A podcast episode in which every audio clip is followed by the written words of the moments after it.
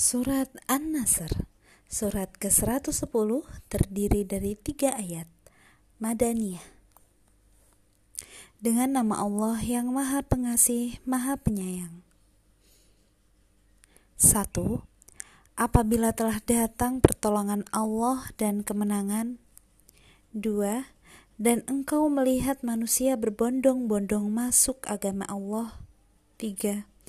Maka Bertasbihlah dengan memuji Tuhanmu dan mohonlah ampunan kepadanya. Sungguh, Dia Maha Penerima Taubat.